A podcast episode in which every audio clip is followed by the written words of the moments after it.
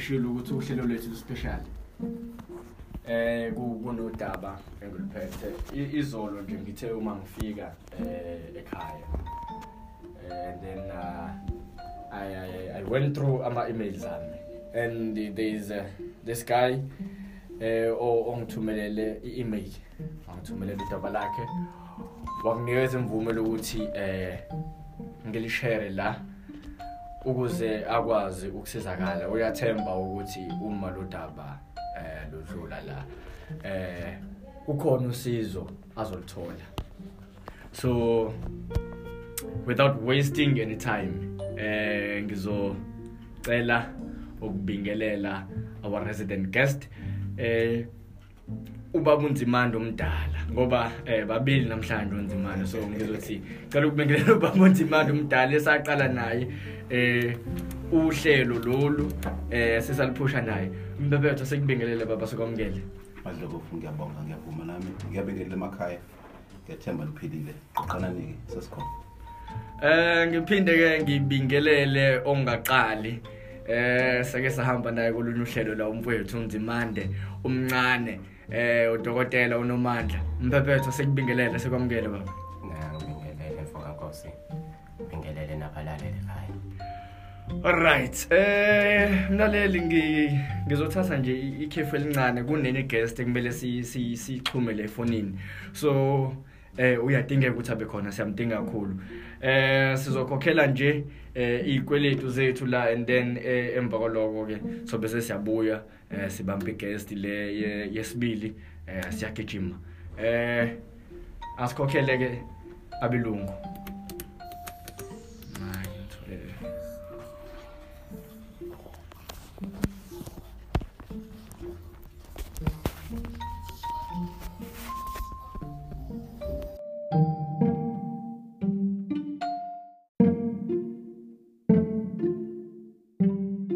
simtholile ke eh, igest yethu eh yesi yesibili namhlanje. Eh a- angazi ukuthi ngizokuadressa kanjani ke namhlanje ke dokotela eh, makhosi shusha siyakwamukela siyakwamukela ohlelweni.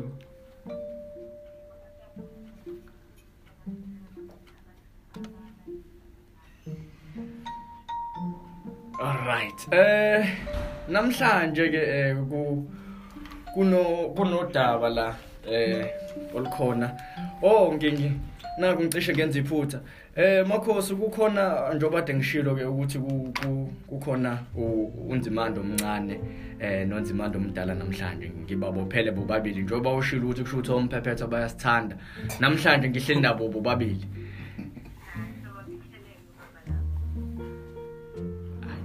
Yebo yebo makhosi nathi siyabingelela siyabonga makhosi Okay, eh eh babu unzimando omdala eh nomandla eh mase kuba ke eh udokotela makhosi shusha. Eh nginodaba ke la namhlanje oluqhamuka kumfowethu. Ngizolifunda nje eh njengoba lunjalo njengoba ebhalile. It's a very long email but ngi eh ngizozama ngayo yonke indlela to read as fast as I can. Eh ifundeka kanje i-email. Ithi eh, good day Siphephelo and Mr Ndimande. I am anonymous. Uh, 24 years of age from uh, Empangeni. I've listened to Young Men Let's Talk ever since it started and I must say kuningi esengikufundile nesengilapheke kukhona. Please share my story with everyone. Um But I'm writing to you today ngoba ngidinga usizo lwenu. To write to you about this took a lot of courage and strength. Uh, by profession, uh, I'm an accountant of a very big firm and I love my job. But for his courtesy, I've been lacking because of stress. I grew up in a, in a, in a respected, rich, prominent, and very toxic family. And that led me to move out from home uh, since I found a job three years ago. Ngikhule eh, ekhaya kwenziwa imikhuba. Awuthi ngilibeke libe imbamba. Ngikhule ekhaya kuthakathwa abanye abantu ukuze umndeni ucebe futhi uhlonishwe. Everyone knew about it and they had no problem doing it as we took turns every night sihamba nomkhulu.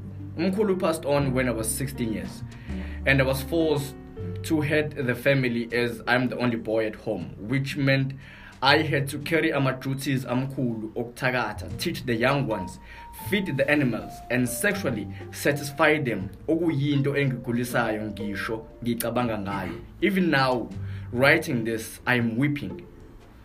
I I did what I had to do, which I thought was right at the time, and keep the family afloat since I was told if I didn't do it, umndeni wawuzobhubha wonke. When I started varsity, I was told to sleep with my aunt because kwakudingeka umntwana wasegcekeni for a sacrifice to help her sustain her business as it was crumbling.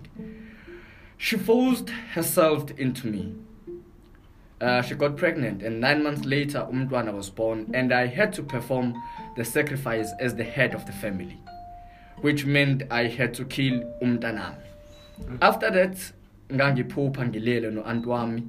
Eh, okay, ngangiphupha ngilele no aunt wami all the time, which led me ekutheni ngizama ngizame ukuzibulala four times. Kodwa ngisinde eh, ngivuke esibhedlela. During my uh, last year in varsity, I decided to move to a res and I got myself a girlfriend for the very first time in my entire life. And wakulelwa but had a miscarriage. Uh, waphinda wakhulelwa after graduation and my family told me ukuthi uh, to, told me to bring her home to perform some rituals ukuze umntwana ezophila. Yenziwa imisebenzi and my girlfriend saw izinto ekwangu- ekwangungamele azibone eh wafuna ukuhamba mashushu but my aunts wouldn't let her leave. I then got a job ngase ngithatha umama womntanami and left ekhaya bengazi. Sahlala ndawonye until she was due sadly during uh, during birth my child and her mother didn't make it out of the maternity ward. And i was told uh, when i told my family bangibuza eh ukuthi ngangizitshela ukuthi kuzokwenzakalani uma ngishiya ikhaya nama duties wami as the head of uh, the family. Ikhanda lami laqala lapho uku ngaqala lapho ukuzizwa engathi ngiyasangana. Eh ekhanda. Um umsebenzi wami has been keeping me sane all these years but lately i found myself drowning in alcohol drugs and depression. I'm all alone. I've never had friends. I've tried dating again after umoyenganyami ashona but nginesicwa ngizizwe ngathi nginesicwaco abantu besifazane bayanginyanya abangifuni ngi abafuni ngisho ukunginika ithuba lokuthi ngizibike. Before lockdown i bought a gun. With the intentions of using it on myself but kukhona into engibambayo. Ngizizwa ngisangana nje ngathi kunabantu abahlezi bekhuluma ekhanda lami. Honestly i don't want to die now. Ngisafuna ukuphila but ngifuna inkululeko emqondweni nasemoyeni. Ngiyabonga ngisazosizakala. Wow. So this is anonymous from Impangeni, a very young man. He's he's only 24 years of age. Uyasebenza, usebenza kahle but impilo eh impilo kade iphile ekhaya. Ngathi eh yam yambambezela ukuthi aqhubeke empilweni. So udinga usizo mfowethu la. njengoba ke kulitafula eh ngibize wena dokotela ushusha ngabiza eh noMandla ngabiza nobaba umphephetho ngiyathemba ukuthi umfowethu kukhona la azo azosizakala khona. Uzokwazi ukuthola iziluleko mhlambe eh azidingayo. Ngoba eh udaba lolu lakhe eh luthinta eh ukugula ngo- ngo- ngokomoya nangokwengqondo. So by profession ngiyathemba ukuthi nizokwazi ukuthi eh sisize umfowethu ngibona u- ngibona unomandla la inyakazisa ikhanda angazi ukuthi inkinga ikuphi. Angazi ukuthi inkinga ikuphi. So ngi eh ngiyacela ukuthi eh sike sisize umfowethu lapha empangeni angaze athathe impilo yakhe ngoba uyasho ukuthi cha yena usa usakuthanda ukuphila. Kodwa ke udinga inkululeko eh engqondweni. Eh nasemoyeni. Yeah eh ngizo ngizoqala ngawe dokotela. Si simsiza kanjani ubhuti? You you are a psychologist by profession. Ma.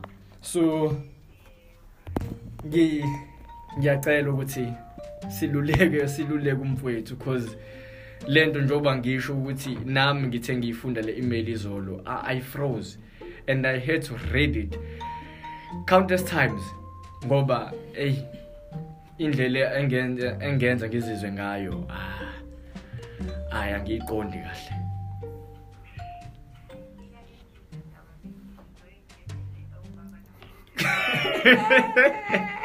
Akwazi. Awukwazi dokotela. Awukwazi. Kwazi ukubaleka.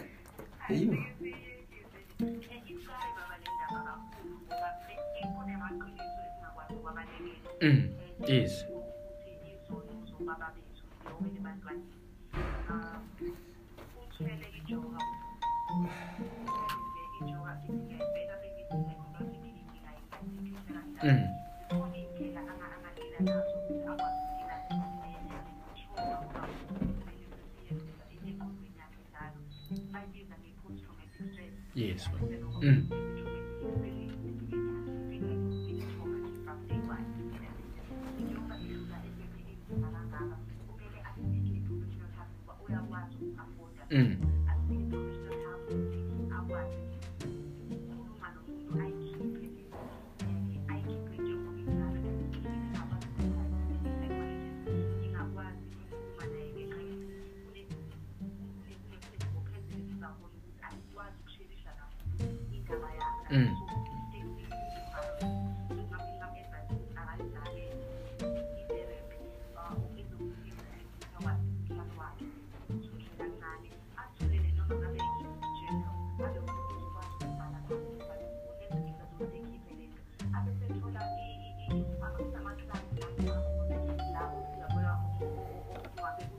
Mm. yes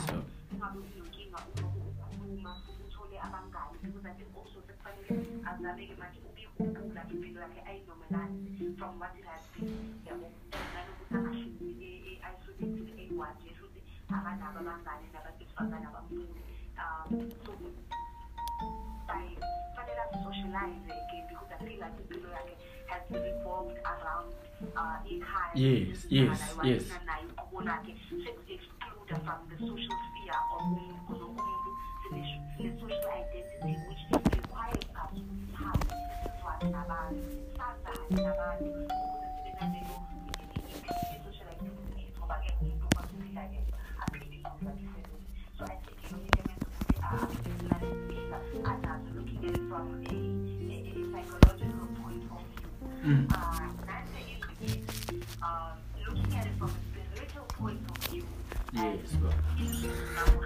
mama because sithilo ijoka lobaba njengoba njengoba kuyena inkosana endleleni ngoba ifakela nalo leli lishiwe kuyena angayisika usizo eli-western angathola uncedo kodwa kuyobaluleka kakhulu ukuthi aqale azame ukuthola uncedo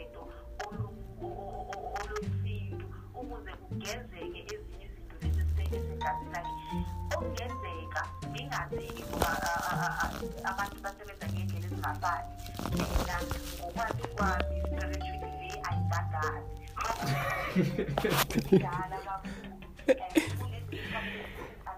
Yes, uzophinda futhi kulento ukuthi izono zobaba amajoka obaba bethu nobaba mkhulu awela emahlombe ethu kuneziqalekiso ongakwazi ukuzigeza noma ngomuthi ijoka kumele kuyena phansi um ilona iqiniso isikhathi singafuni ukulamukela ukuthi khona izindlela umntwana angazama ukuthi asizakale ngazo. Kodwa kule kule kule sekumele-ke manje ngoba le le- le mpilo le sebemfakile nabamfakile ayamukele naye in something in, in a way ukuthi it will always be a part of impilo yakhe. Ayisoze yasuka njengoba ezikhuluma izinto zakhathi zama-voices iy'lwane zakubo lezo isilwane sakini esingene ngegazi lakini esingene ngesandla sakho elithile akwazi ukuyisifo njengesibongo isibongo sakho akwazi ukuthi namhlanje ngisifuni izinto usebenza nazo you understand so i think nakhona-ke from a spiritual point of view zikhona izindlela ezingenza ukuthi kudambise umthwalo emahlombe but i have never met umuntu ongathi mina ngiyakwazi ukususa into yakini unless ezoyi-inheritha yena lokhu and ingami ngayidangani Hayi. from someone Mm.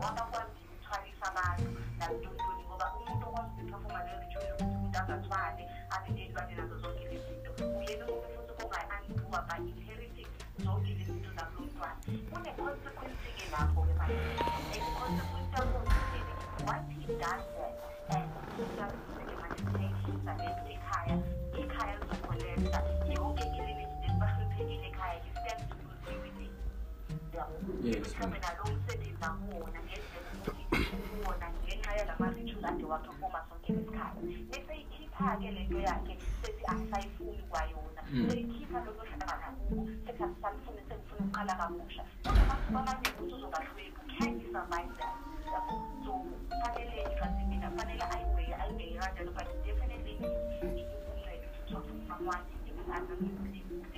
uzoba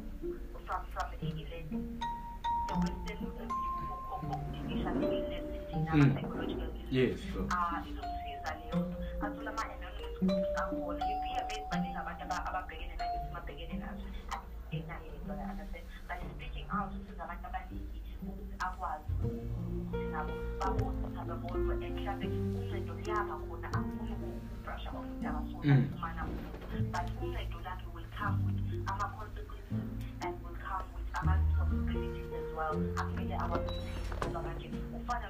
ozobe selento sephula umkhokha ekhaya sengiyeka le ngoba sibe ukhondolo siwumkhokha njengoba esiqale umkhulu ukhondolo lo muntu elandela ehlale khona yabo so bengabe i-breaker you must understand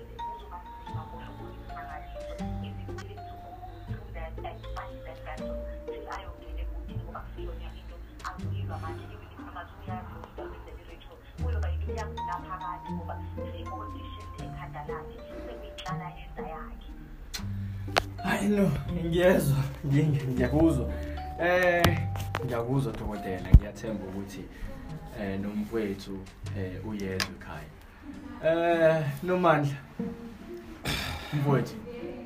Eyi mfethu. Ngokomoya. Kona kona ithanda ukujula impela indaba yamfowethu. Ijulile nje impela. Ijule kakhulu kodwa ke usisi ubeka ama points abalekile impela laphayana ekutheni ekulungiseni kwakhe lesi sima kusona eh kuzoba khona inkinga ekuzobe kumele azi ukuthi sizoqhamuka emva kwaloko ukuthi mina nga advise ukuthi uma ethola usizo akathole usizo eh and futhi kuzophoqa ukuthi azame ukubona umuntu azofike ahlale naye phansi achaze kahle sonke isimo sakhe ukuthi lento iqale kuphi kanjani bekwenziwani kanjani ukuze lowo muntu ezo understanda ukuthi isimo sakhe siyisima sini azame ukumsiza ngendlela ekuyiyona yona basemsizile ke ekuzameni ukususa lowo moya lo wasekhaya ngoba phela uyi-DNA yasegcekeni lowo moya lo and yena uyinhloko yasekhaya manje. Njengoba eyinhloko yasekhaya kuzomela athi besusa lowo moya lowo azame futhi ukubhalansisa ngoba uwumuntu ophethwe igazi lamasiko eh kuyikona ukuthi babejule kakhulu egcekeni. Kubo so kuzomela azama ukususa lokhu oku- okugcina sekumfaka la kulolu sizi asedlule kulona. Kuphoqa ukuthi fanele asacrifice ngeingane zakhe ngamalungu omndeni azame ukubheka usizo oluzokwazi ukumbeka somewhere empilweni elizokwazi ukuphamisa impilo kodwa elingeke lize limnikeze ama demands ajule ngaleyo ndlela. Ngoba kusho ukuthi ikhehla lakhe lasuke lathatha angeke ngazi ngi- ngingasho ukuthi ikhehla lasuke lathatha ngendlela lathatha ngayo lelathatha khona ngoba amakhehla engalungisi ngendlela efanayo ngezikhathi zawo elungisa amagcekawo okuwukuthi ke angeke vese lifane igceke lamdletshe negceke lamkhize indlela ekuphilwa ngayo egcekeni. Imfihlo leyo yakubo njengoba eseyidedelele thina. Kodwa ke uyidedele ngoba efuna ukusizakala. Iyodwa indlela yokusizakala ukuthi athole umuntu onolwazi olunzule la kulesi simo sakhe basethole lowo muntu azame ukuthi kulungise leyo ndlela ngendlela yakhona kungavesane kulahlwe ngoba lezi zinto bekuthi izinto eziphathekayo izinto ezilahlwa ngosiko awuvesane uyisuse uyifake emlilweni noma uthi uyilahla noma ikanjani hamba namasiko akhona. Sokuzomela ajule impela lowo muntu bekususwa lo kudala base yabhalansiswa futhi akhelwe into ezobe ingcono engahambi nomthwalo omkhulu ngalendlela ngoba manje umthwalo asebhekane nawo empilweni ujulile. Nami ngithebe ngizwa lolu daba umzimba wami wathi ukuhlasimula impela. Ngazibuza ukuthi kahle kahle ikhehla lalihambe kanjani belihambe laze lafika le lafika khona ngoba manje ingane isibhekene nezinkinga ejulile eh nginethemba kodwa ukuthi uzosizakala. Baba umphephetho omdala inzima le ndaba le ixaka ama-professionals ixaka abanikazi bayo. Inzima kakhulu. Kodwa ke mina ngifuna ukuthi uma ngikhuluma into nje ngiyiqale iqale khona. Yes yeah because nalo lekhihle sikhuluma ngalo eh linomdali walo walidalayo eh ngisho nebhada kukhulunywa ngalutho ngokuthi iqalephi lento uyena uyibone seyibone senzo baba wakhe kodwa kunye kunesho yakho ayiqala ngeqaleni mangabe kuyisibongo mhlambe kakhuzwayo hayi ukuthi yathi suka nje ihamba kanje lenqondo yes baba. ngani msangizwa yini? Ah, ngizwa kahle. Ngifuna ukuthi siqale iqale khona izocishe siyilandele kancane. Ungasakhi isakhiwo sibe sihle. Bonke abantu basincome kodwa if i-foundation ingeyinhle it's a waste of time. Mm. khona into isho ibhayibheli kuthiwa ene uma unkulunkulu engayakhi indlu basebenzela izi abayakhayo unfortunately ngiyalapha. La if le ndlela beyi-right uyabona mfana bengakabe nenkinga nayo. Bezoba happy nje kube kube nje freeway so the fact that iyamshaya enqobo lwakhe uyayibona ukuthi akuyona into right for him should nekhehla le wrong. Angisho ke iconcept yalo mcimbi. Ngisho ukuthi indlela neapproach noma iconnection yale ndlela nabangaphambili Yes. angani msangizwa yini Ngizwa kahle. because if le ndlela ibe right from way back la la qala khona isibongo lo mfana bengabe nenkinga futhi uyayibona manje izophela nayo lo mfana lento lo mfana mangabefa manje lento ayiseqhubeki. Ngobani? Kusho ukuthi the whole concept ayingenanga ake comfortable kuyena ayicompatible Ayamukelile. angeni. yenqobo lwakhe ayingeni ngizwa mabro if into kuyakini fanele ingene na- natural igama egazini lakho. U- noma ngabe impi kangakanani fanele ingene ibe smooth ibe right. Baningi engibaziyo abantu abaphila ngalezi zinto abacomplain abana problem so kune possibility ukuthi ikhehla la ithatha la ithatha khona kodwa hayi ukuthi yasekhaya. Ilona beliqamba i- indlela enhle entsha kuphela which is not wrong because as a head of the house khona ubushintsha izinto. Ngendlela obona ngayo ngalo sikhathi amasiko aqanjwa kanjalo. Hayi ukuthi ngihambe sekulakudala ngoba sikwenziwa kanjalo kodwa uma lingasesebenzi isiko siyashintsha. So ikhehla uma lishintsha manje lishintshile impela labona kuhamba kahle. Kodwa the fact that umfana akumsebenzeli kusho ukuthi ikhehla lakhetha i-concept wrong. For the family. Unfortunately uyena kuphela umfana akekho omunye. So manje ngisho either way ikhehla liyaluza noma ngafo umfana ikhehla liluzile ngoba lona belifuna ukwakha kulesi sisekelo yes Ngizo- ngizo- ngizocela ukuphula ulimi Yes. baba unzimanda Yes. eh eish, eish, eh, u- u- u- ubaba indlela abeke ngayo khona lethena eh u- u- u- umfethu.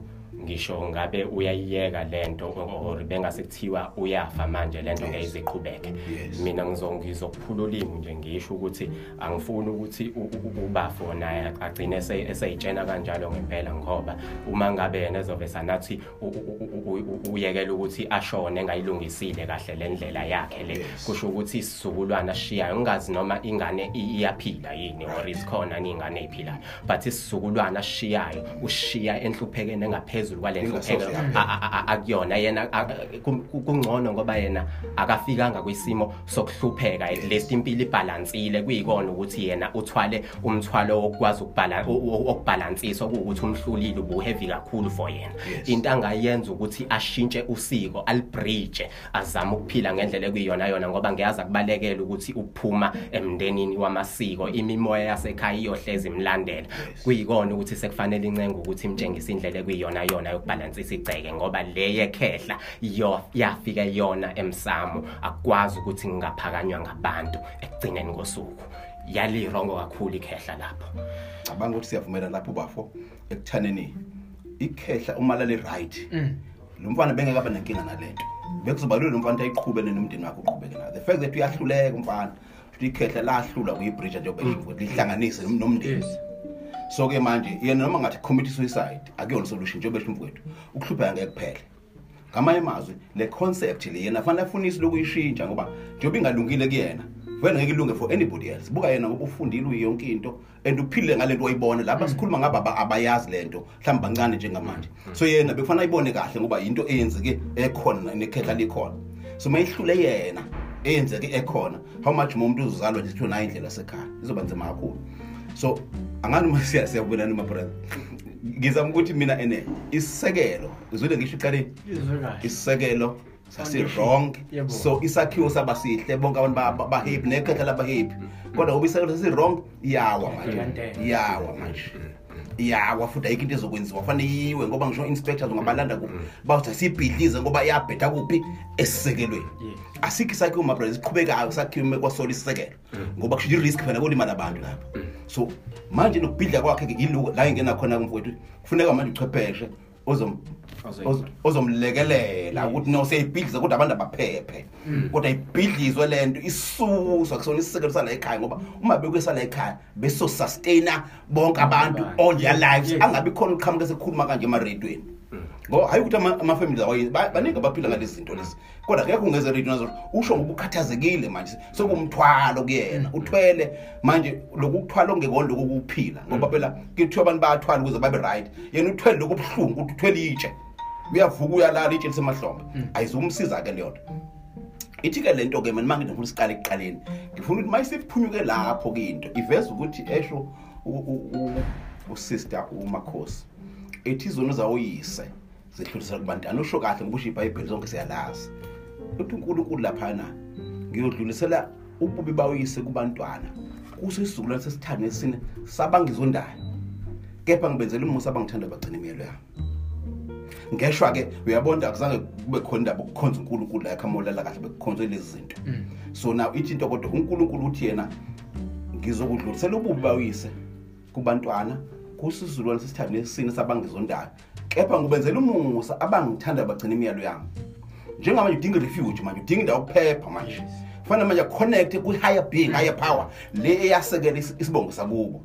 Ma ngabe ngakwazi ukuthandaza kufanele kufunda ukuthandaza manje. okwamanje engingayitholi solution kufanele axhumane nonkulunkulu manje athi baba mina ngazi ubaba wathi akube nje kodwa mina into ayingilungeli ngicela ubheka ukuthi ngaphambi kababa kwakwenziwa njani. Abe umuntu othandazayo futhi angayi kubantu abazomkhokhisa imali makuthandazwa angayi kubantu aba- abazi kakhulu ukuthanda ayi laba ababukeleke phansi yabo laba aba- aba- abazokuthandazela nje ungezithola mali labo bantu labo bazomlekelela kancane kancane bazomthandazisa ngisho engekho ngoba khona abantu abathandaza yabona nje abantu abathandazayo ngoba uze kubona bagcina ukuthandaza ngalo sikhathi ufikile msori kusho loo nto. Ngoba babhizi kakhulu phela. Yabo kodwa umuntu oyitha- oyithandela ukuthandaza mfowethu engeke kumsebenzi wakhe. Mothi ngicela ungithi ngibeke mthi nginale nkinga. Each- every night methandaza uzokukhumbula umfowethu njengoba esebenza ngabantu njengangitsheni ngeke kwazi ukuthandaza abantu bakhe baningi kakhulu kinama ngimabrother ngeke kwazi ngoba kuwumsebenzi wakhe. yeah. but but umuntu othandaza nje engeve kuyi-profession yena umuntu ozomsiza athi ngicela ungikhumbule njalo mulala bazokwenza i-appointment nalo muntu ba- bavumelane ngesikhathi kube yihora lokukhuleka. Okuhlula umuntu akumhlula unkulunkulu. Kuthiwa kungenzeka ibantu kuyenza lokhu? Ngisho mina nge- nge- nge- nge- nge- nge- ngesikhashana samanje engingayitholi i- i- i- ngamanye amazwi kufanele override unkulunkulu la. Kufuneka i-override manje umnikazi wabantu athi override aveze indlela. Izovela kuyena futhi uzovela ngisho amaphupho. Kodwa okubi kakhulu engikuzwayo la engikubona kuyingozi lokho kusho sithi ngene sibham and all that ngifuna ukusho njalo ukuthi kuyena angayibulali sikhona sonke. Eh uma ethanda angabuye emfowethu akhulume nawe siphephelo mhlawumbe umnika inamba yami. Ngeke ngize ngithande umuntu esekhulume nami kanje aphinde ayibulala. It's, it's a waste of time. Njengoba esho umfowethu la um- nomanje ukuthi it's a waste of time kuyibulala kuyisolve inkinga. Kuzokwenza even worse yena njengomuntu oyi- okuyena kuphela okhona manje kufanele alwe inqobe lento ngoba as a hero he must, he must, he must conquer.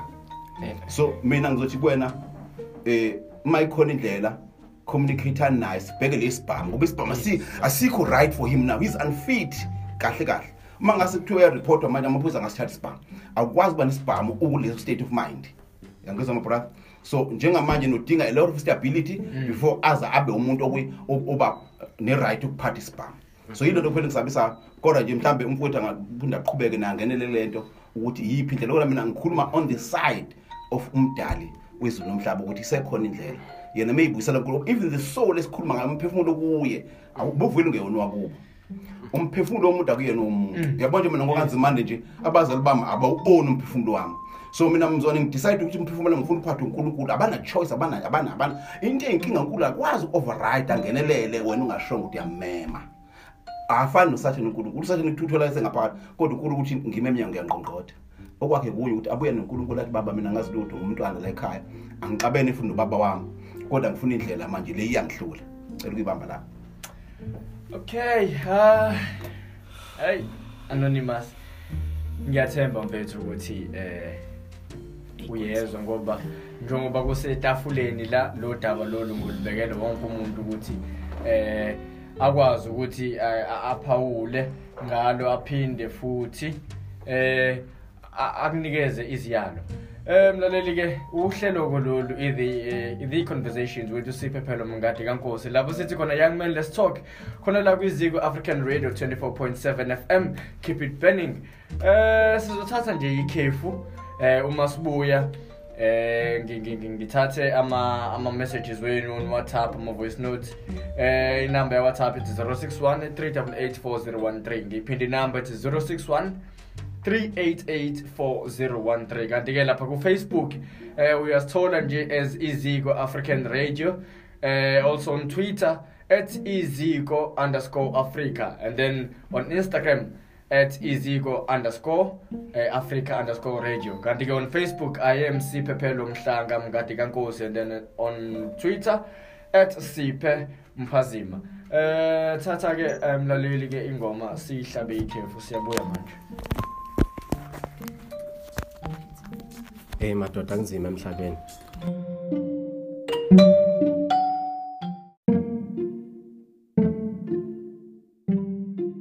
and then uh si sibuyela ukuthi sizovala manje. Angeke sibe bade kakhulu. Sesisidlile isikhathi already. Eh si sizovala nje manje sizo sizonikeza umfowethu ama ama advices okugcina ngoba hey ngiyabona ukuthi hayi abantu ngathi bavuka imoya yebo ma yezwakala makhosi? Hello? Yazi siyamuzwa makhosi? Yena ongasizwa eh makhosi usangizwa? Alright eh kusho ukuthi kukhona inkinga ke ke ekhona la. Eh ngo ngo eh ngo ngo ngomakhosi ushusha asikwazi ukuthi eh, asitholani kahle emoyeni.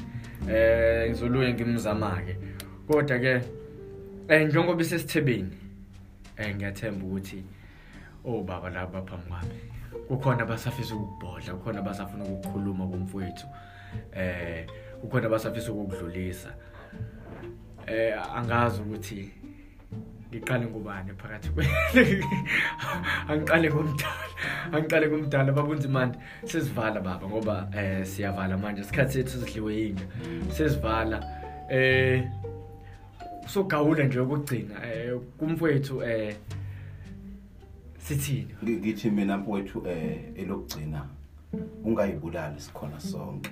Njengoba sikhona istudio nje indaba yakhe ifikele kuthina. Eh nodadewethu umakhosi ukhona nomfowethu nomandla sikhona mfowethu ungayibulali. Eh okunye ke ngicabanga ukuthi usukuyona ibele lethu sizakala ngoba abanye abantu bafela phakathi njengebutho likashaka bangakhulumi. Ukukhuluma kwakho sewuqalile ke manje uyalapheka enkingeni yakho. Ngicela into eyodwa kodwa uma bengenzani indlela engifisa ngayo. Get rid of that gun khohlwa yiso. Njengamanje kusukela mami namhlanje iba indoda ezongena ekhoneni ukhulume noNkulunkulu wakho ophilayo. Eh kuze kubonakala ukuthi kuyangalapho bakona usizo likhona kade sixoxa nabo bonke nje sinabo le studio usizo likhona angeke uze ungasizakali kodwa wena ehlisa umoya konke kuzolunga. Nabo bonke lokukhala ngako kuzolunga kodwa yonke into izokwenzeka step by step. Ngicela ukuthi ngime lapho nje ngithi mfowethu ungazibulali sikhona sonke. Nomandla. Dokotela? Dokotela? Makhosi